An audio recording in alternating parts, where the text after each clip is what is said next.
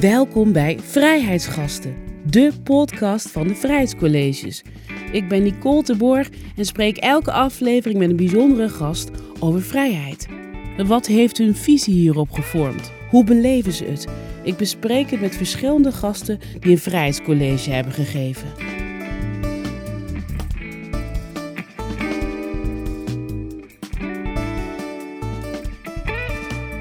Welke herinneringen komen naar boven als hij denkt aan vrijheid? Waarom moest hij huilen bij het graf van een onbekende soldaat? En waar ligt de grens van vrijheid?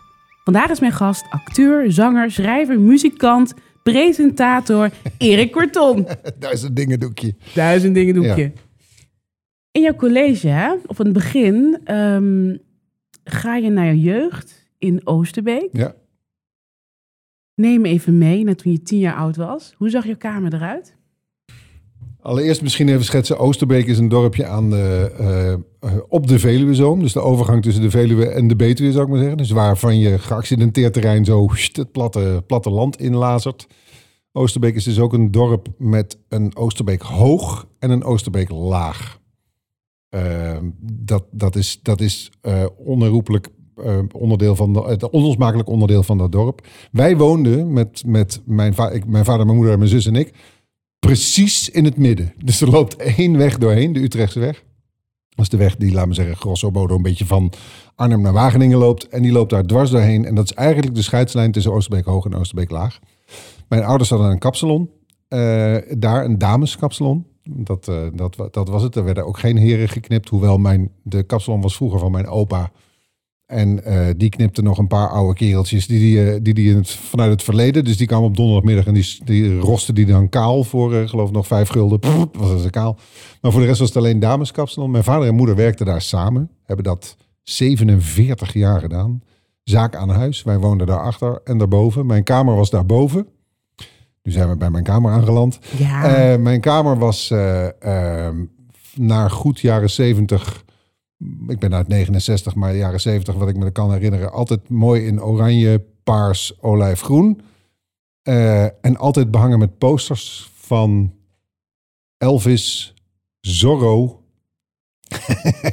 Elvis, Zorro. Later kwam daar Mut, Sleet, Kiss. En toen ging het allemaal mis. Dus en toen, Toen toen- ja, na Kiss was het, eh, was het een grote, grote rock'n'roll bende. Nee, het was, ik, had een, ik had een kamertje en dat kamertje was wel mijn domein. Daarin mocht ik eh, met mijn kleine platenspelertje alles, alles draaien wat ik deed. Ik maakte daar radioprogrammaatjes op een klein cassette recordertje.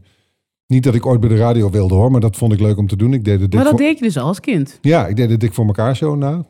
Dat was toen eh, super hip. Eh, dus dat, dat, dat deed ik, maar nooit met het idee om bij de radio terecht eh, te komen. Want ik, wil, ik wilde als klein jongetje al leraar Nederlands worden. Waarom wil die leraar Nederlands worden? Geen idee. Ja, omdat ik, omdat ik het leuk vond om met taal bezig te zijn. Ik vond het leuk om verhaaltjes te schrijven, ook te tekenen, gitaar te spelen. Eh, alles tegelijk. Waar, wat, mijn, wat mijn moeder ook altijd eh, tot de reactie eh, verleidde om te roepen... Oké Erik, deze week gaan we één ding doen. En dan was het dus één ding, was dan of tekenen of eh, muziek maken. Of, maar niet alles tegelijk. Want ik maakte dus echt mijn huiswerk met een gitaar op, mijn- op schoot. Terwijl ik een strip aan het tekenen was. Dan deed ik, ik leerde bijvoorbeeld, eh, mijn geschiedenis leerde ik met die gitaar. Dan was het Napoleon. Hij houdt nu echt zijn handen ook 1815. vast, hè? Ja, Alsof hij gitaar vasthoudt. te zingen. Napoleon in Waterloo in 1815 en daarna naar Elba. En, en dan wist ik ook gewoon, als ik dan een proefwerk had. Napoleon is in G mineur. Maar, dat, nee, maar het is eigenlijk een, sl- een slimme manier van leren. Want ik heb begrepen, Ja. als je zo iemand bent die verschillende dingen tegelijk wil doen, dat dat je ook productiever maakt. Ja, maar je moet wel structureren, want anders wordt het echt chaos. En dat, eh, dat, dat is nooit echt geworden. Waarom? Om, ik denk omdat ik daar zelf wel structuur in aan wist te brengen. Maar nee, ja, het, het, het, eh, ik merk dat, eh, dat, ik, dat ik wel mezelf ertoe moet zetten om echt één ding te doen. Als ik meerdere dingen echt, echt tegelijkertijd doe, dan gaat het mis. En wat was je voor jongen? Behalve Zo- jongen die alles jongen, deed. Ja, Die alles deed. Ja, wel een vrolijk, vrolijk, eh, vrolijk type volgens mij. wel. Tenminste, dat, ik, weet, ik vind dat lastig om van mezelf te zeggen. Maar ik was geen lastig kind. Nee. Ook, geen, ook niet echt een lastige puber. Ik deed wel dingen, maar niet dat mijn ouders ooit hebben gedacht... oh, dat gaat mis. Maar Nee. wat is er over van die jongen van tien? Nou, dat, dat, eh, dat alles tegelijkertijd doen. Of althans, niet alles meer helemaal tegelijkertijd doen, maar iets gestructureerder. Maar nog wel heel veel dingen doen. En eigenlijk altijd wel met plannen in mijn hoofd. En veel nadenken. Want die, ik was wel een nadenkjongetje van tien. Ik bedoel, toen ik tien was, luisterde ik naar... Speelde ik op mijn klassieke gitaar Scarlatti, Bach, Telemann, Sor. Dat soort gitaarwerk met een voetenbankje. En dan zat ik dat te spelen. Eh, Goot ik tinnen soldaatjes. En speelde ik de slag bij Waterloo na. Eh, om vervolgens, toen ik twaalf was, de Dead Kennedys op te zetten. En, eh, eh, eh, en, en een zwarte vlag buiten te hangen. Dat was al iets later. omdat, ik, omdat alles anarchistisch moest en, en Ronald Reagan om moest vallen. Natuurlijk, jaren tachtig. Ja, Ja. dus, dat, de, de, ehm, de- dus er is heel veel altijd geweest. Maar ik ben altijd wel een, een, een denkend eh jochie geweest, denk ik. Maar zijn er ook momenten dat je dan dat je de rust in je hoofd hebt? Of blijft... Jawel, jawel maar, die, maar daar, moet ik wel, daar moet ik me wel toe zetten. Want rust in mijn hoofd, ik bedoel, kan, kan rust nemen, maar in mijn hoofd is het nooit echt rustig. Nee. is dat erg? Soms, soms. Maar dat hangt er vanaf wat ik, wat ik erin stop. We hadden het net, voordat we hier aan begonnen, heel kort liet jij het woord Twitter vallen. Dat was een hele slechte voor mijn hoofd. Want al, die, al dat gedoe wat daar langskomt, kan ik dan slecht loslaten. En dan, dan, dan speelt zich een hele andere wedstrijd af in mijn hoofd. Maar wat doe je dan? Wat doet dat dan met jou? Want voor iedereen, want iedereen doet het wat anders. Hè? Ja. Veroorzaakt dat iets anders? Wat veroorzaakt het bij jou als jij al dat gegil hoort van Twitter? Want het is Ik kan, gegil, ja, ja, dat is gegil. Nee, Mhm, zeker. Nou, ja. ik, kan niet, ik kan niet tegen dat gegil, omdat ik dat zelf niet doe. Eh, en als ik iets verkondig of zeg, en dat, dat is dat wat er op dat medium gebeurt, dan wat ik altijd deed, is als ik dan iets wilde zeggen ergens over, omdat ik ergens boos over was, of omdat ik dacht, eh, wat is dat voor onzin, dan tikte ik dat op mijn telefoon en dan dacht ik, oké, dit is hem. En dan legde ik het weg en dan ging ik wat anders doen. Weet ik veel, eh, koken, naar de wc of eh, boodschappen doen. En dan kwam ik terug en dan keek ik nog een keer en dan las ik het. Dacht ik, voor hoeveel uitleg is dit, is dit vatbaar? Eh, hè, dus, want het, eh, eh, je hebt maar een x-aantal tekens. Tenminste, dat was toen bij Twitter. Ik weet niet of dat nog zo is. Maar toen was je 140 tekens. Binnen 140 moest. Wanneer ben je eraf gegaan? Wanneer was dat ongeveer? Nou, in 1810 denk ik, hè? want 140 tekens. Nee, eh, eh, ik denk een jaar geleden of zo. Toen eh, vond ik het wel klaar. Toen vond ik het wel mooi geweest. Maar binnen, het moest binnen die 140 tekens. En dan ga je dus dingen zo opschrijven dat je de nuance sowieso al kwijt bent. Maar dat het ook nog voor velerlei uitleg vatbaar zou kunnen zijn. En dat probeerde ik altijd te voorkomen. Dus ik deed soms een halve dag over. Nou, die energie, die kan je echt beter gebruiken. En wat heeft het je gegeven dat jij de keuze hebt gemaakt van... hé, hey, ik stop daarmee? Twee dingen. Dat is dat ik af en toe iets wil zeggen over iets en denk, waar dan? waar, waar dan? Want op Instagram doe ik het niet, want dan vind ik het echt onzin. Want dan moet ik er ook een foto bij plaatsen. Dus dan moet ik, denk ik, ja, weet je, als het echt om hele essentiële dingen gaat, als, als racisme of wat dan ook, dan, dan doe ik het wel. Maar als iemand, eh, weet ik veel, Arie Slop, die eh, wat eh, van de week iets heeft gezegd, daar ben ik boos en verbolgen over. Maar dan, dan roep ik liever tegen Tim Hofman, go Tim, go Tim, dan dat ik dat dan zelf dan nog ga plaatsen.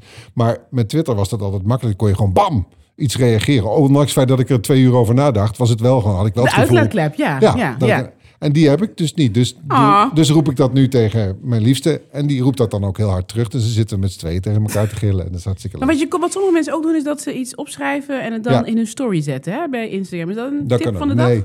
Ja, dat, is- dat zou ik. Dat, ik neem hem tot me en ik denk er eens even rustig over. ik denk er eens rustig over na. Ja, goed. ehm, want je hebt, ik heb het over die keu- ik ben even naar die keuzes aan het kijken. Ja. Je bent gestopt met Twitter. Ehm, maar je bent wel heel veel aan het fietsen, heb ik begrepen. Is dat zo? Zeker. Ja? Zeker. Het een heeft niet onlosmakelijk met het ander te maken, Nee? overigens. Nee. Nee, ja, nee. Ik, eh, eh, laten we coronatijd. Wat, heeft, wat heb je gedaan als het gaat om fietsen? Ik eh, eh, helemaal in het begin, toen, of in het begin toen het, toen het bleek dat die epidemie een pandemie werd en, eh, en serieus.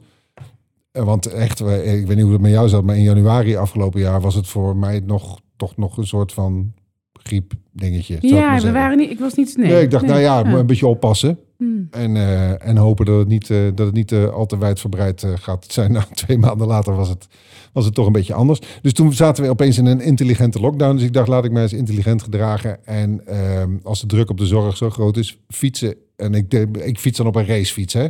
Dus ik ben zo'n middle-aged man in lycra.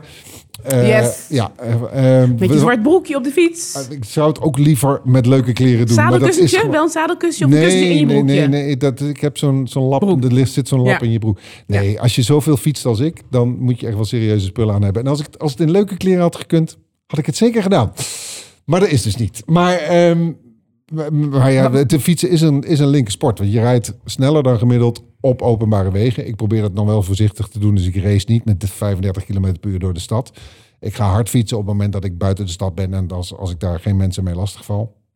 Eh, maar toch, het blijft een gevaarlijke sport. Want een valletje is zo gebeurd. Ja. Ehm, en toen was de druk op de zorg zo groot en toen was de paniek zo hoog. En stonden de mensen eh, met gitaren op balkons de zorg toe te zingen en te klappen. Dat ik dacht, misschien is het nu niet helemaal tof als ik buiten ga fietsen. Want als ik omval, dan moet er toch een ambulance komen. Dan moet ik toch naar dat ziekenhuis. En die hebben wel wat beters te doen. Echt met dat besef ben je gestopt? Nee, ik ben niet gestopt. Ik, ben, ik heb een thuistrainer. Dus dat is een apparaat waar ik mijn fiets Nee, maar in bedoel, je kan bent zetten. daardoor gestopt met buitenfietsen? Ja. Ik heb toen zes weken, vijf, zes weken lang met die thuistrainer op mijn dakterras. Want het was toevallig vijf weken lang wel hartstikke mooi weer. Het heeft niet geregend. En ik kan met dat ding in die thuistrainer niet op, in de regen gaan zitten. Maar met mooi weer heb ik gewoon kilometers op mijn dakterras met uitzicht over de binnentuin waar ik op uitkijk. Op Amsterdam. Eh, en de vogeltjes om me heen. En met goede podcasts op mijn hoofd. Eh, kilometers gereden. En ik zit inmiddels eh, op bijna 11.000 kilometer dit jaar. Hé, maar hoe zit het met die keuzes met jou de laatste tijd? Of de laatste tijd? Je bent van Twitter afgegaan. Je bent een paar uur gaan fietsen op je dakterras. Je bent gestopt met alcohol. Wat is dat dan? Dat je... Dat je... Eh, Ja, dat gooi ik er zo in. midlife, midlife denk Klopt ik, toch wel? Ik heb het gelezen, Nee, dat is ook zo. Nee, dat is ook zo. Nee, ja, kijk, weet je, ik heb... Ik heb eh, Ben je eh, nou midlife? ja, natuurlijk. Echt? Nee, ja. Je bent eh 51, toch? 52. Ja, ik word, twee, ik word 52. Januari. In januari, ja. Ja. Ik ben 51. Nee, ja, nee, midlife. Weet je, ik heb laatst een keer een heel mooi verhaal van iemand gehoord dat midlife eh, eh, ehm, is... Er wordt altijd gezien als een, als een gevoelscrisis. Terwijl de midlife crisis eigenlijk helemaal geen gevoelscrisis is, maar is een economische crisis. En die legde dat heel simpel uit. Mhm. is dat je als man, hè, want midlife is toch iets voorbehouden aan mannen. Eh, als man, eh, als eh, met je testosteronspiegel al, vanaf je puberteit ah, rondrennen bent. Het is even gechargeerd en heel Ja. erg zwart-wit. maar Betrek het dat naar is, jezelf, ja? En dan, ja, dat doe ik. Doe ik. Mhm, mhm. Ehm, dat je met je testosteronspiegel aan het, aan, het, aan, het, aan het leven bent, dingen aan het verzamelen bent in je leven en aan het, naar je aan het toe- toetrekken bent. Je bent je aan het voortplanten, je bent dingen aan het doen. En op een gegeven moment eh, eh, gaat die testosteronspiegel afnemen. En dat is vanaf je 45ste, eigenlijk al vanaf je, vanaf je mid-20ste al, maar dan heb je nog niet zo in de gaten. Maar vanaf je 45ste zakt dat harder. Dus die, dat verzamelen, die woede, dat wauw, mannen ding, dat wordt steeds minder. Maar rond die periode zit je maatschappelijk gezien vaak op je allerhoogste Op je piek. punt. En die twee dingen, die gaan met elkaar knokken. Merkte, merkte jij dat ook? Want je staat in het theater, je maakt radio. Nou ja, ik, ik weet niet. Ik, voor mij voelt dat niet zo letterlijk. Want ik heb niet het gevoel dat ik nu pas op het punt ben. Of dat ik, eh, dat ik maatschappelijk eh, eh, relevant of weet ik veel dat ik dingen bereikt heb. Want ik, daar ben ik niet zo heel erg mee bezig. Maar ik merk wel dat ik sinds een jaar of vijf de behoefte heb om dingen wat, nog wat meer te verdiepen dan ik al, dan ik al probeerde. Dus om nog iets meer over dingen na te denken en is, en is nog wat secundairder te reageren op sommige zaken. Door het gewoon eens te laten sudderen. Dingen ook niet te weten. En tegelijkertijd een, een ander soort van kennis te vergaren, voor zover als dat, eh, dat kan. Ehm, Wat maar- voor kennis? nou ja, ik nam eerder alles tot me. Dan, dan dus weer, krijg je weer dat veelvraten idee. Dus staand eh, met een gitaar op je schoot, eh, terwijl je een strip tekent, je huiswerk doen. Dat is nu dat ik over sommige dingen gewoon iets meer wil weten. Of Dus er gewoon- selectiever en meer ja, verdieping. selectiever en verdiepender. Ja. En waarom, de Dus keuze, misschien zit het hem daarin. en waarom de keuze om te stoppen met alcohol? Hoe verhoudt dat zich in het hele Nou, dat was gewoon een ding wat ik al vanaf mijn zestiende deed en waarvan ik deed. En waarvan ik... eh, Maar wat bier of eh, wat wijn, wijn? ja. wijn, ja, ik ben Rode zo'n- of rood of wit? allebei. Allebei. Ja. En, en als je ze bij elkaar gooit, heb je rosé. Het is echt ongelooflijk, dat spul.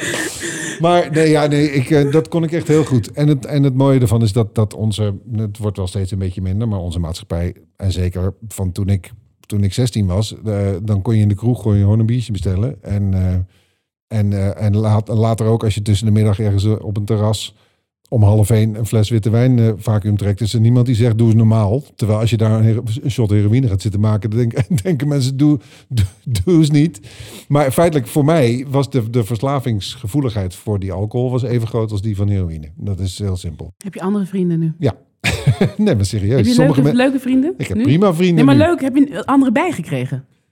Nou, dat is niet per se, dat is niet per se anderen erbij gekregen. Want zo, zo zwart-wit is het nou ook weer niet. Maar ik ben som, bij sommige mensen eh, ben ik wel kwijt geraakt. Of kwijtgeraakt. Die zie ik gewoon niet meer, omdat die heel erg daarbij hoorden. Die zag ik eigenlijk altijd alleen maar in kennelijke staat. En dat was ook leuk. Maar dat, dat stopt dan op een gegeven Nee, maar vaak zeggen ze als de relaties stoppen of er gaat iets weg, dan ontstaat er ruimte voor nieuwe dingen. Dus daarom dacht ik van misschien. Nee, ja, maar dat is precies. Ik denk dat, dat, daar, dat je daarmee de kern raakt van wat er dus aan de hand is. Misschien niet nieuwe dingen, als wel Hm. anders en opnieuw kijken naar de dingen die er al zijn.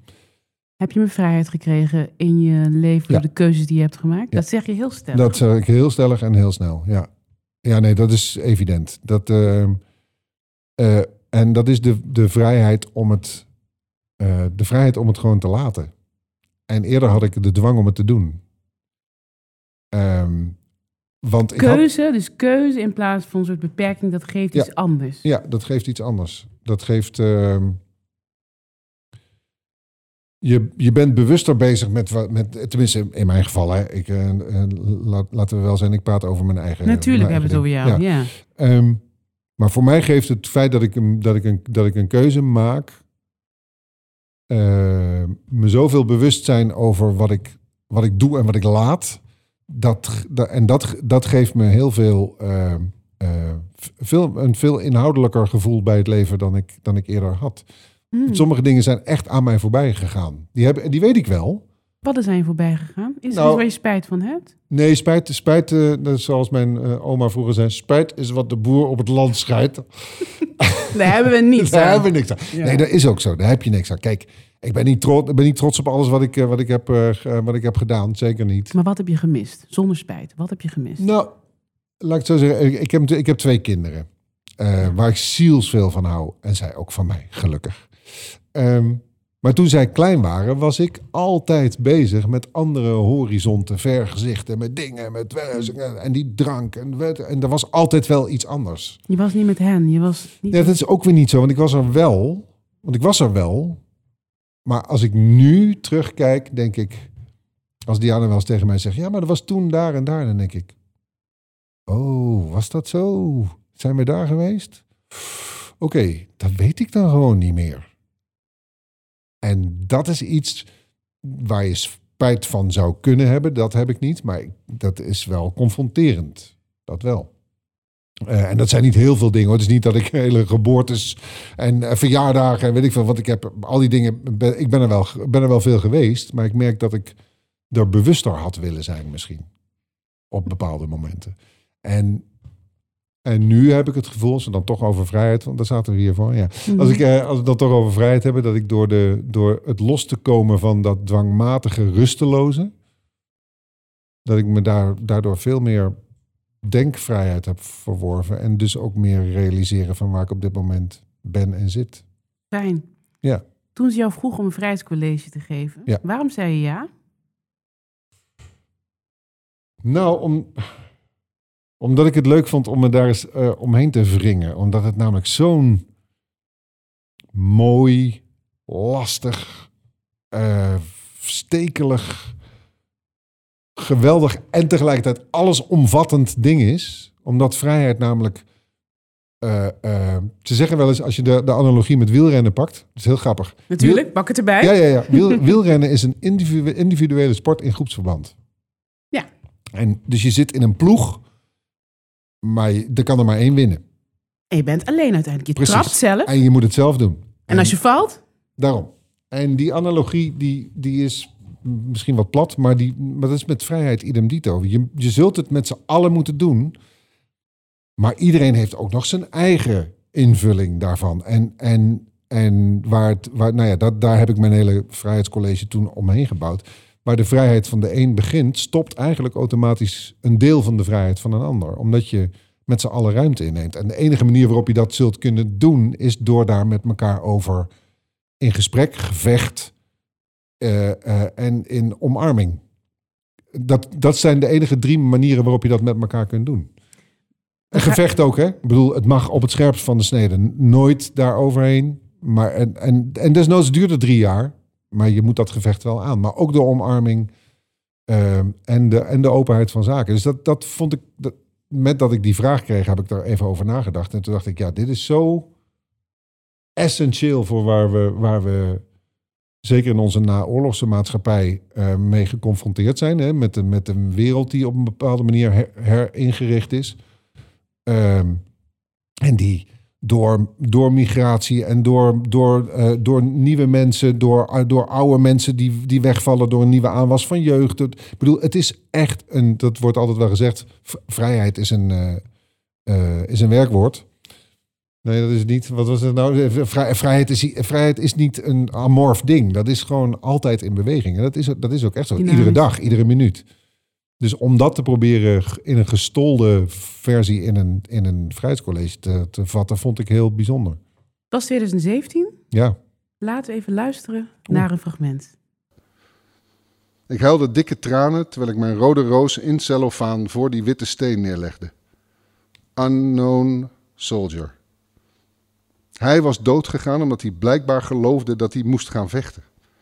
Vechten voor onze vrijheid of vechten tegen onze onvrijheid. Maar was onze vrijheid dan ook zijn vrijheid? En hoe wist hij hoe onze onvrijheid voelde?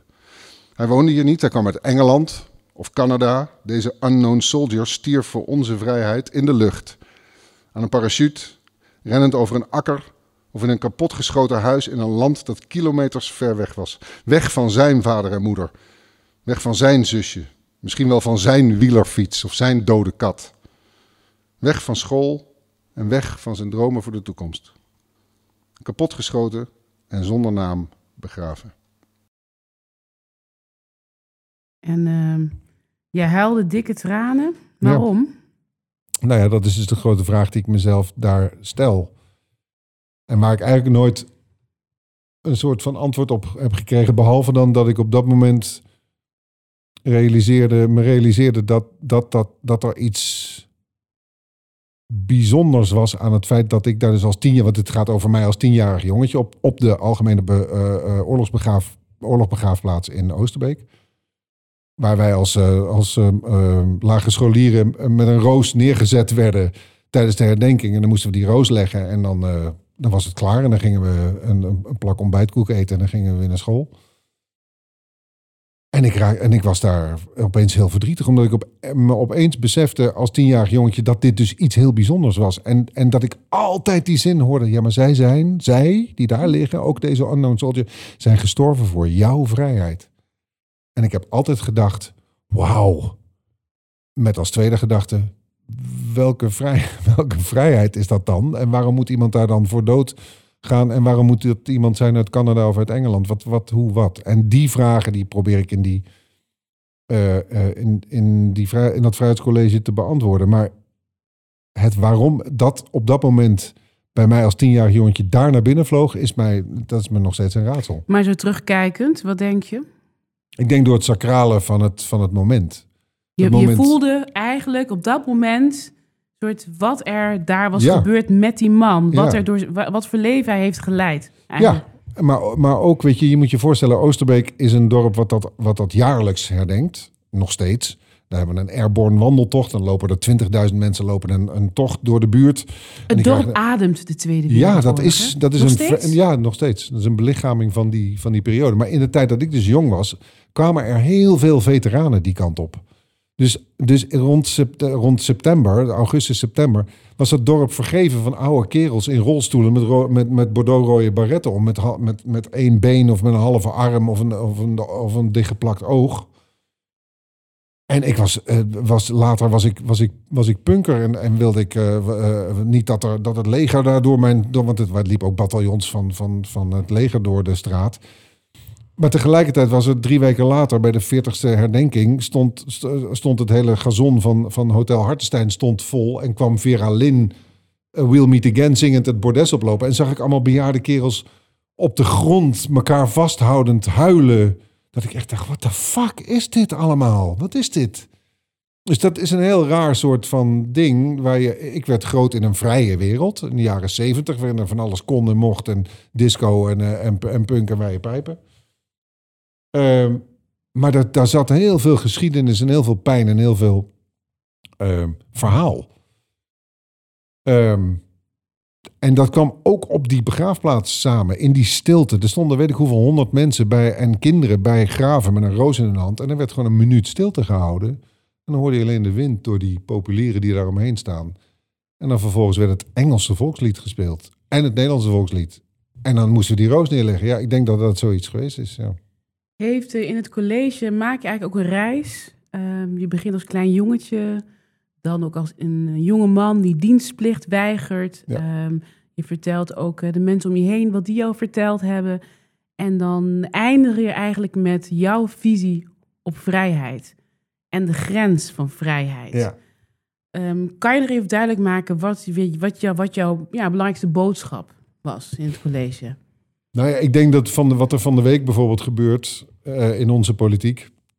Ja, we zitten nu in eh, november. Ja, Bij nou deze ja, goed. opname? Het is in november. In november, eh, eh, ehm, eh, onze minister van Onderwijs, Arie Slop, kwam met de mededeling dat, eh, dat reformatorische scholen een, eh, ehm, ouders een, een verklaring eh, mogen laten ondertekenen waarin ze afstand nemen van homoseksualiteit. Daar ga je al. Dat is ook weer zo'n, dat is een heel duidelijk snijpunt hè, van waar, waar, waar begint de, waar, waar, houdt, waar, waar houdt de vrijheid van, van godsdienst op? Waar houdt de vrijheid van onderwijs op? En waar begint de vrijheid van het individu om te zijn wie hij of zij is? Nou ja, dat is voor mij heel, is dat, dat is in dit geval voor mij vrij duidelijk, maar daar gaan we het dan nu niet over hebben. Maar, maar snap je, zo, zo, zijn, zo zijn er dagelijks allerlei momenten waarop vrijheden door de, door de een genomen worden en door de ander daarvoor moeten worden Ja, afgestaan. de vrijheid die je van de staat krijgt en je individuele vrijheid. Ja. Jij verbindt dat ook aan elkaar ja. in dit, in dit, in dit Maar college. ook, maar ook als gewone mensen naar elkaar toe. Hè? Ik bedoel, eh, eh, er worden dagelijks wordt er een deel van jouw vrijheid geschonden. Wat je niet heel erg in de gaten hebt. En wat ook niet heel erg erg is. Als iemand voordringt bij een, bij een supermarkt. Is, weet je, jij, jij neemt de, de vrij, jij, jij eh, gaat in een rij staan. Omdat jij vindt dat je in een rij moet gaan staan voor een kassa. Die ander neemt de vrijheid om dat niet te doen. En die gaat gewoon twee plekken voor je staan. Maar er is een enorm spanningsveld ertussen. Hè? Ja. die vrijheden van mensen. De ene zegt ah, vrijheid van meningsuiting. Ja. Maar ook vrijheid voor mij om te mogen zijn. Want als iemand zijn mening uit, kan dat mij schaden. Dus Zeker. waar ligt dan hè, die, die, die grens, denk ik? Nou ja, ik denk dat, dat, dat die grenzen, die zijn niet in... ehm, die zijn heel slecht, die zijn zo slecht af te kaderen. Bijvoorbeeld, het, je, je kunt zeggen, ik heb, het, ik heb de vrijheid en het, en het recht om te beledigen. Bijvoorbeeld. Kun je zeggen. Maar moet je het daarom ook gewoon, moet je het daarom ook bewust doen. Kijk, je kunt zeggen dat je iemand, be- dat je iemand beledigd hebt omdat jij iets vindt. En daarvoor kun je zeggen, nou sorry dat het je beledigt, maar dat is wat ik vind. Maar ik kan ook jou heel bewust gaan beledigen.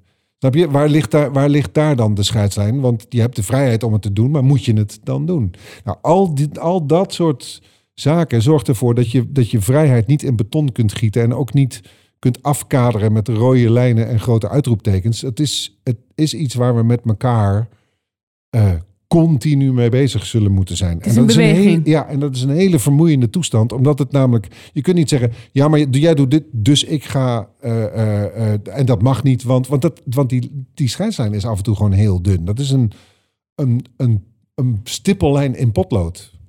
Dus de vrijheid, je eigen vrijheid, verhoudt zich altijd tot de ander. Ja, en dat levert altijd spanning en wrijving op. En daarom is het zo belangrijk dat we dat, we dat met elkaar doen. Dat we daar in elkaar, en dat zeg ik ook in het Vrijheidscollege, en ik vind dat een van de allerbelangrijkste dingen is dat we dat elkaar gunnen. Ook de strijd daarover elkaar gunnen. Want het, het, het van elkaar begrijpen waarom iemand iets doet, begint bij luisteren en niet bij praten. En, en dat is echt het grootste probleem. Ik vind dat mensen veel te snel praten in plaats van dat mensen eerst nou even luisteren. Want als je goed luistert, ga je vanzelf anders praten. Je hebt in 2017 ehm, dit college gegeven. Ben je anders gaan denken over de dingen die je hebt gezegd? Of sta je er hetzelfde in? Nee, ik sta daar wel steeds hetzelfde in. Het enige is wel dat, de, dat, ik, dat, ik, dat ik vind dat de wereld ehm, het niet per se heel veel beter is gaan doen. Hmm. Luisteren. is, is één zo'n ding. Nee, ik merk dat de, dat de, de, de, de, om het woord maar eens uit de kast te rukken, maar dat het, het, de polarisatie in onze maatschappij, en dan heb ik het niet alleen over Nederland, ik heb het over wereldwijd, dat dat inmiddels zo, zulke groteske vormen aanneemt af en toe. Dat mensen zo alleen maar rabiaat en ruksigloos voor zichzelf en voor hun eigen hachie en voor hun eigen club kiezen. Dat ik daar, ehm, dat ik het eigenlijk nog veel harder zou willen schreeuwen. Nog een fragment. De vrijheid voor iedereen om op deze aarde te mogen leven vinden we alleen als we daar iets voor over hebben. Als we er iets voor willen opofferen. Want met het nemen van jouw vrijheid ontneem je de ander automatisch een stukje van het zijne of hare. En dat kan, dat mag alleen als je dat samen doet. Als je dat samen bevecht en najaagt. En dat is misschien wel de grootste opdracht voor de mens. Meegegeven door het leven. Je mag alleen maar nemen als je ook kunt geven en andersom. Want dat kunnen wij namelijk als mensen. Uh, je had het net al over je kinderen. En ik luister naar dit fragment. Hebben zij andere vrijheden dan jij? Um, ja, als kind. Als kind. Ik bedoel niet als nu, want ik, eh, ik, we leven nu in, dezelfde, in hetzelfde tijdsgevricht. Maar ik was als kind, uh, was mijn toekomst zorgelozer. Ja. Jouw kinderen, denk je, ze hebben minder vrijheden dan dat jij hebt? Ik zal niet zeggen vrijheden, maar wel het vrij, de vrijheid van gevoel is een hele grote. Hè? Dus het, het feit dat je richting kunt geven aan je gevoel, omdat je een beetje vooruit kunt kijken waar je heen gaat. En dat is wel iets wat, waarvan ik merk dat, dat allebei mijn kinderen daar best wel een worsteling mee hebben. Omdat er uh, heel veel mogelijk lijkt door de ontsluiting van de wereld via alles is te vinden en, en, te, en, en op te zoeken en te beleven online. Maar daadwerkelijk voelen waar je in deze, in, deze, in deze echte wereld heen gaat, dat voelt best heel onzeker voor ze, merk ik. Dus de keuzes, daar heb ik dan over keuzes, bedoel je dat? Ja. Keuzes. Ja. Keuze, je moet sneller kiezen, dat is één ding. Je moet sneller kiezen, die keuze die is ik, krijg het, ik heb heel vaak het gevoel dat, dat, dat, dat mijn kinderen nu het gevoel hebben dat als ze één ding kiezen, dan moet dat het ook zijn.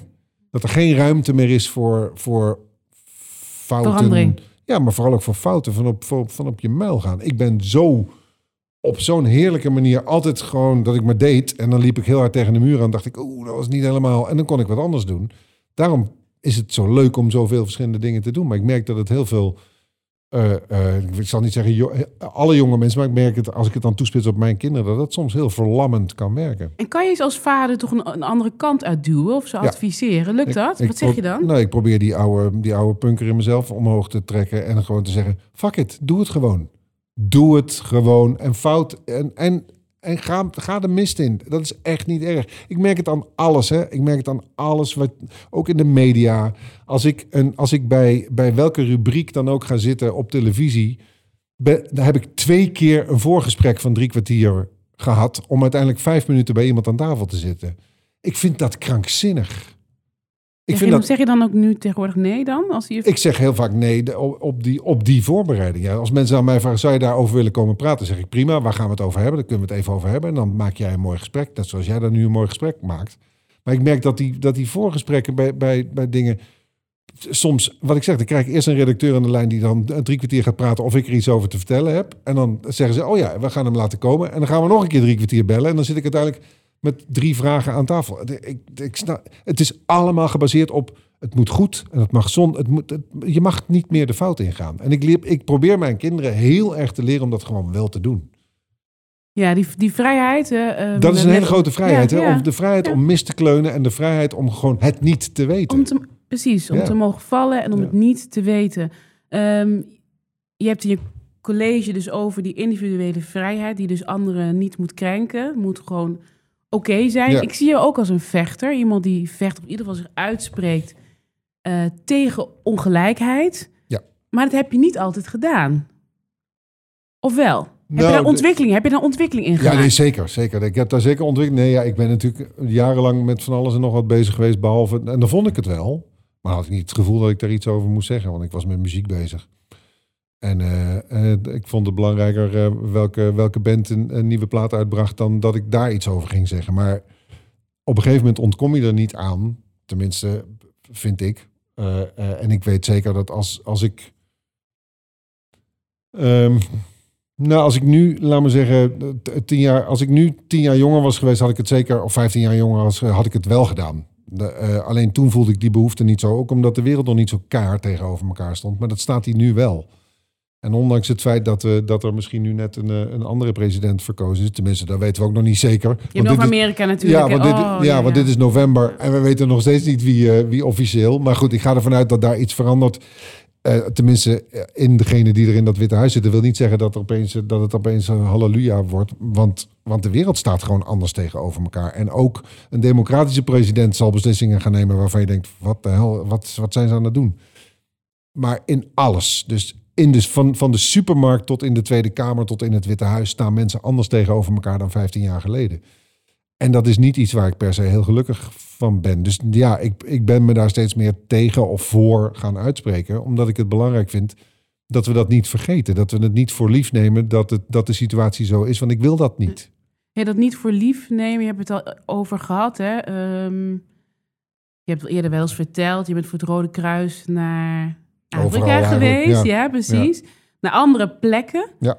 Ehm, naar andere plekken gaan, is dat ook iets wat jou eh, zeg maar een andere visie geeft op, op vrijheid of niet? Hoe, hoe moet Ja, zien? zeker. Nou ja, weet je, eh, als je voor het eerst in een land komt waar, waar, eh, waar iemand op een vraag die je stelt geen antwoord durft te geven, Hm.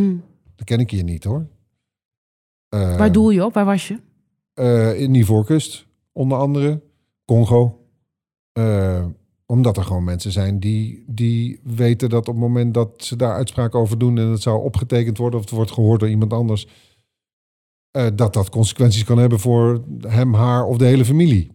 Nou ja, dat zijn dingen die niet, die niet heel, eh, die, die, ik hier niet, die ik hier niet ken. Ik als je je uitlaat op, op dat vermalendijde Twitter, dan kun je een zootje do- doodsbedreiging aan je, aan je donder krijgen. Maar het feit dat, er, dat, dat je echt serieus gevaar loopt omdat je iets anders denkt. eh, of, of de vrijheid om, ehm, om je kinderen in enige vorm van welzijn en, eh, eh, en welvaart op te voeden.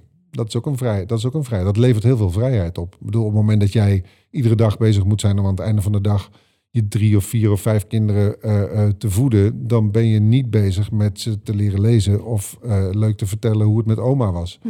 Daar heb je geen tijd voor. Dus dat soort vrijheden, hele basale, hele basale dingen. En dat zijn gewoon zaken die je op een paar uur vliegen van, van, van, van Amsterdam al, al tegen kunt komen. Laat Ja. staan als je dan echt voor een langere periode in de binnenlanden van plekken uit, doorbrengt waar dat aan de orde van de dag is. Waar mensen kinderen ver- verliezen en nou ja, goed, al, alle ellende die je erbij bij voor kunt stellen. Dat is een paar uur vliegen, maar jij gaat gewoon ook in Nederland in een voedselbank helpen. Ja, ik, ik, Daar eh, zie je natuurlijk ook wat.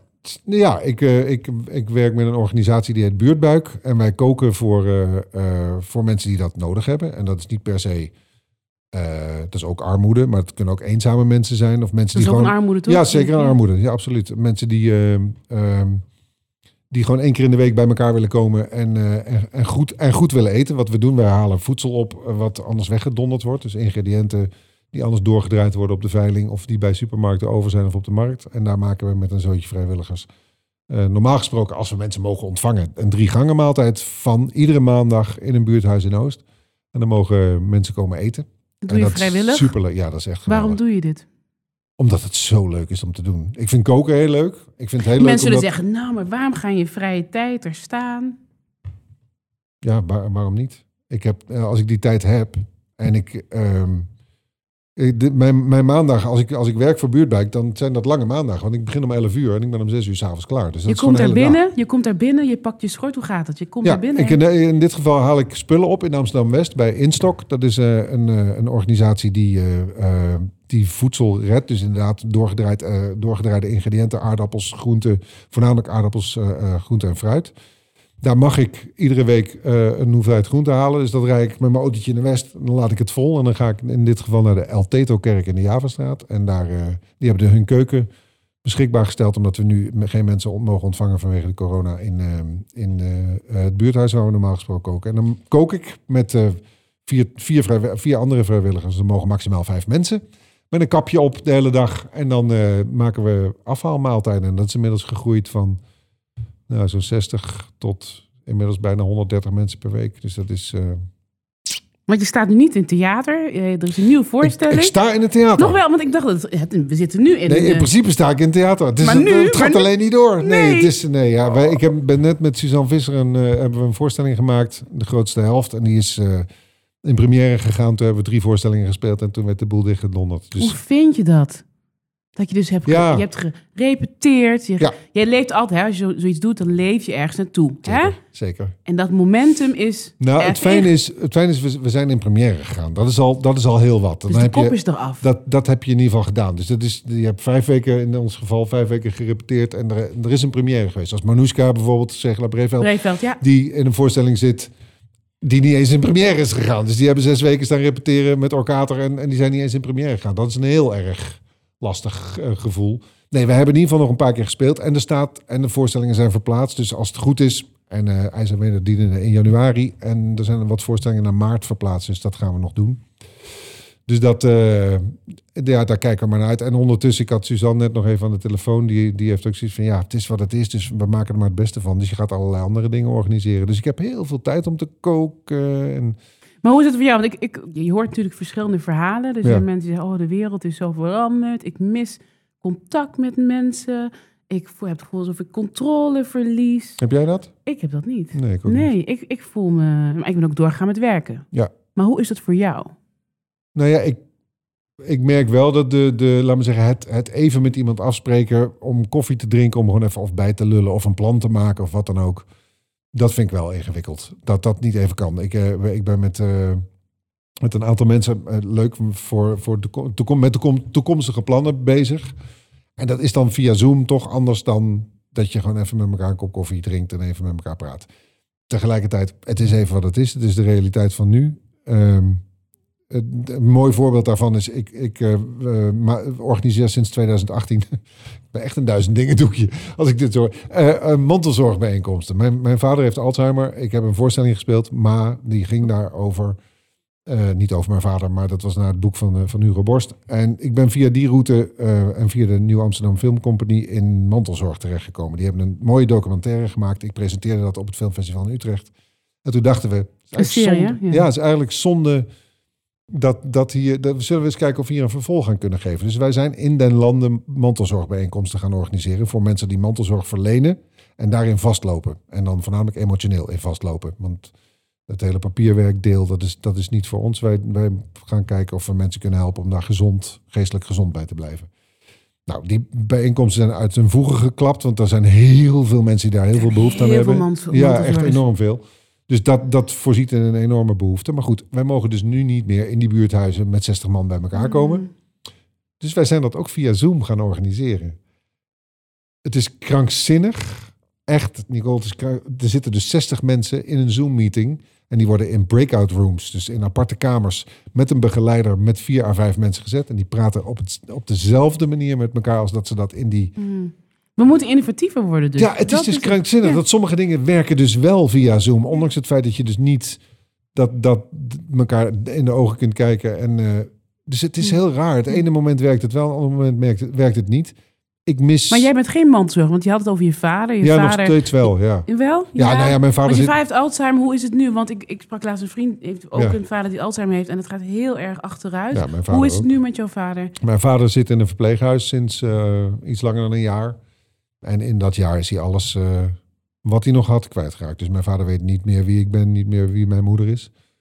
Ehm, Ik moet er niet aan denken dat mijn moeder of mijn vader me niet meer herkent. Nee.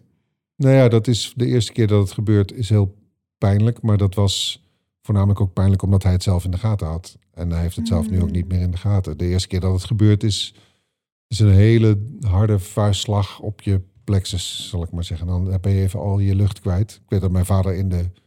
Is, het een soort, is het een soort rouw ook? Dat je dus, Ja, het is heel langzaam. Het is... Mijn moeder zegt dat altijd, en, het- en daar ben ik het volkomen mee eens. Ze zegt altijd, mijn papa is al een tijdje dood, maar hij leeft nog. Maar hoe, hoe, hoe En dat is, dat? eh, ja, dat is ook een kwestie van dat went. Ondanks het feit dat het af en toe eh, hartverscheurend verdrietig is. Maar de, die, dat eerste moment was, was echt wel heel erg. En Toen woonden ze nog in, een, in mijn ouderlijk huis.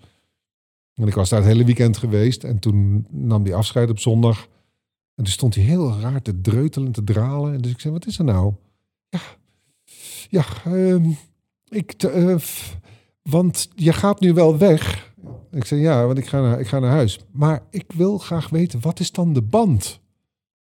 Ik denk, wat zegt hij nou? Ik zeg, wat bedoel je? De, de band. Ik zeg, wat, zeg, maar, zeg maar gewoon wat je denkt. Hij zei, ja, ik, wat is nou onze band? Toen dacht ik, fuck, hij weet gewoon echt niet meer wie ik ben. En toen brak hij in duizend stukken en ik ook. Maar Heb je hem inmiddels- vastgehouden? Kon je Ja. hem onder herkende je daarna wel dat je hem vast Ja, daarna weer wel. En toen, en toen zei ik, maar ik ben je, ik ben je zoon. Oh, gelukkig. En toen, was, toen, toen zakte hij dus helemaal in elkaar. Maar inmiddels Maar is dat dat... moment eh, is weg. Dus hoe, hoe is het dan nu? Want nu... Ik kom nu binnen en dan zeg ik altijd... hey pap, ik ben het. eh, Erik, je kind. En dan... eh, hij, mijn vader praat inmiddels ook in raadsels. Dat is niet meer te volgen. Dat is... Dat, dat kan hem heel goed nadoen, maar dat zal ik, je- zal ik je besparen. Maar het is, Mm. het is echt... Ik ben alleen maar, als ik daar ben, een uur of anderhalf uur lang bezig met in het moment zijn. Dus alleen maar met hem... En als hij praat, en hij gaat enorm ratelen. En dat dan te sturen en hem daar laat, fijn bij te laten voelen. Dus als ik zeg, ik kan alleen maar zeggen, heb je lekkere koffie? Ja. Heb je het koud? Nee. Dat is het enige wat Dus we hebben. dan, dus dan ga je naar iemand toe, dan ga je naar je vader toe, een van de belangrijkste banden in jouw leven.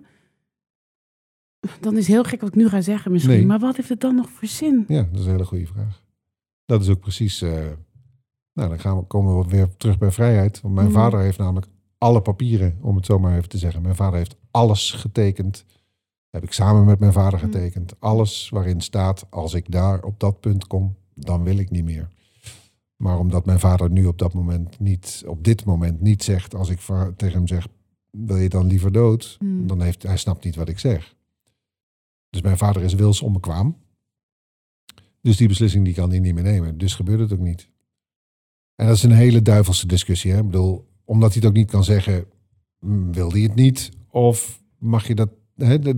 Dus dat is een hele lange discussie. Maar dat is ook de, de, de- hij heeft in alle vrijheid en, en mentale goede gezondheid besloten dat hij dit niet wilde. Dus daar zit jij nu middenin. Daar zit ik Dus middenin, je ja, al, eh, al drie jaar inmiddels. Heb je, kan je met je moeder, kunnen jullie het met elkaar daarover hebben Ja. of daar elkaar in troosten? Enorm. Maar dat is fijn, toch? ja. Mijn, mijn moeder en ik zijn wat dat betreft, en mijn zus ook trouwens hoor. Maar dat Wij is zijn, eh, fijn, hè? ja, dat dat, dat gevecht er fijn. niet is. Nee, dat, dat, nou ja, dat gevecht is dus ook, en daarom worden er ook heel veel voorbehouden in gebakken in, in deze wetgeving. Omdat er ook mensen zijn die denken, ja, die oude zak, eh, eh, even hard, hard gezegd, Mhm. laat hem maar gaan. Dan zijn we van die financiële druk af en dat gedoe, want we moeten er elke keer heen. Die heb je ook. Mhm, mhm. Bij ons is dat anders. Wij zijn allemaal dol op mijn vader. Alleen. Hoe heet je vader? Hoe heet je Mijn vader? heet Ton. Tom. Alleen het grote pijnpunt is dat mijn vader dit nooit had gewild. Hmm.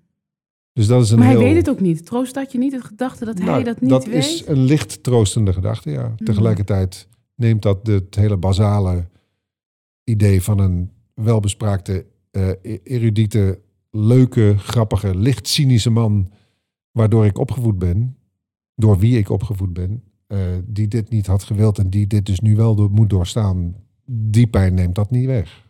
Nee. En wat geeft jou troost in deze tijd? In zijn algemeenheid bedoel je? Ja, nu? Ja, wat, wat Ja. is... Ehm, het feit dat ik heel gelukkig ben met mijn liefste. Dat de mensen die heel... wie je 25 jaar getrouwd bent Ja, volgend jaar. Ja. Ja, ik gooi het maar gewoon ja, in hoor. Nee, maar dat is echt heel... Dat, ik merk dat dat, dat dat zo belangrijk is. Eh, Hmm. dat is altijd al wel belangrijk geweest. Maar, maar ik merk dat dat zeker in zo'n periode... mensen die dicht bij je staan... het feit, nou ja, dat, het, feit- dat is wel dat is grappig. Want je confronteert me nu mee met het feit... of dat met mijn moeder... Ik ben ontzettend blij zoals mijn moeder en, en zoals wij dat als gezin eh, doen. Dat is niet altijd zo, hè? Dus dat is wel... nee, een- en, ja. dat, en dat hoor je heel vaak. Dat, of dat mensen totaal zitten te vereenzamen in zo'n, in zo'n verpleeghuis. Dat is niet bij mijn vader niet zo. Mijn moeder gaat eh, drie, vier keer in de week, minimaal. En ik, eh, ik probeer ook zoveel mogelijk die kant op te gaan. Maar goed, het bezoek is allemaal weer beperkt, want het is coronatijd. Dus het is, dat, dat maakt allemaal weer wat Maar je ziet hem nu wel, want ik weet dat je ook Ja, ja, iets in interview dat je hem niet zag, maar je ziet hem nu wel. Ja, gewoon, nee, ik heb hem. Ik heb helemaal in het begin, vorig jaar t- tijdens die intelligente lockdown, heb ik hem. eh, want toen, toen mochten we er ook niet bij. Toen hebben ze de verpleeghuizen dichtgegooid. Toen mocht ik alleen maar achter een, een raambezoek doen. Maar nu zie je hem wel gewoon. ja, en een raambezoek slaat helemaal nergens op. Mijn vader weet dus al niet wie ik ben als hij me ziet. Die, weet, die voelt alleen dat het goed is op het moment dat ik hem aanraak. Dan, Mm. voelt hij, dan ontspant hij. En heel Ah. af en toe, heel af en toe. Hij zei laatst een keertje, als ik dat nog mag vertellen, want dat, is toch wel, dat zijn van die momenten. Ik, en mijn, mijn vader is ook heel lichamelijk heel oud geworden in een hele korte tijd. Dus dat zit een beetje gebocheld met zijn handen over zijn handen te wrijven. En ik zat een beetje zo in zijn nek te krabbelen, want ik, wij hebben dan geen tekst. Want ik kan wel wat vragen, maar hij heeft toch geen antwoord. Dus ik een beetje lichamelijk zo zijn handen vasthouden en in zijn nek te krabbelen. En dan zei ik, is het lekker zo? Ja, ja, ja, ja, ja. Ja, jochie. En toen dacht ik opeens, wat? Oh. Wat? Toen zei die jochie. En of hij me dan herkent, ja of nee, dat, want als ik daarna zeg, ik ben het, dan, dan, dan weet hij dat niet. Maar Dat geeft mij een brok in mijn keel dat je dat zo vertelt. ja, nou ja, dat, en die momenten, daar troost Mm. ik mezelf mee. Volgens mij moet je hem gewoon, als je hem ziet, vasthouden. En Dat is ook- is gewoon ook- niet praten, maar gewoon is elkaar vasthouden. Want ouders worden weer kinderen, dus Ja. een kind moet je ook vasthouden. Dat is Gewoon precies- elkaar vasthouden. precies wat ik doe. Ja. Ja. Dankjewel Erik dat je zo eh, openhartig hebt kunnen verteld. Er zijn zoveel mensen die hiermee zitten. Dus eh dankjewel Ja. daarvoor. Graag gedaan. Als je het college nog niet geluisterd hebt, doe dat dan online. Dit was Vrijheidsgasten, een podcast van de Vrijheidscolleges. Vergeet niet je te abonneren op de podcast-app. En als je het mooi vindt, laat een recensie achter. Deze podcast wordt mede mogelijk gemaakt door het Prins Bernhard Cultuurfonds. In de volgende aflevering praat ik met Robert Vuijsje. De redactie was in handen van Marije, Trix, Jelmer en techniek door Lieve. De muziek is gemaakt door Steven Ivo vanuit podcast Werkplaats Tolhuistuin Amsterdam. Dank voor het luisteren.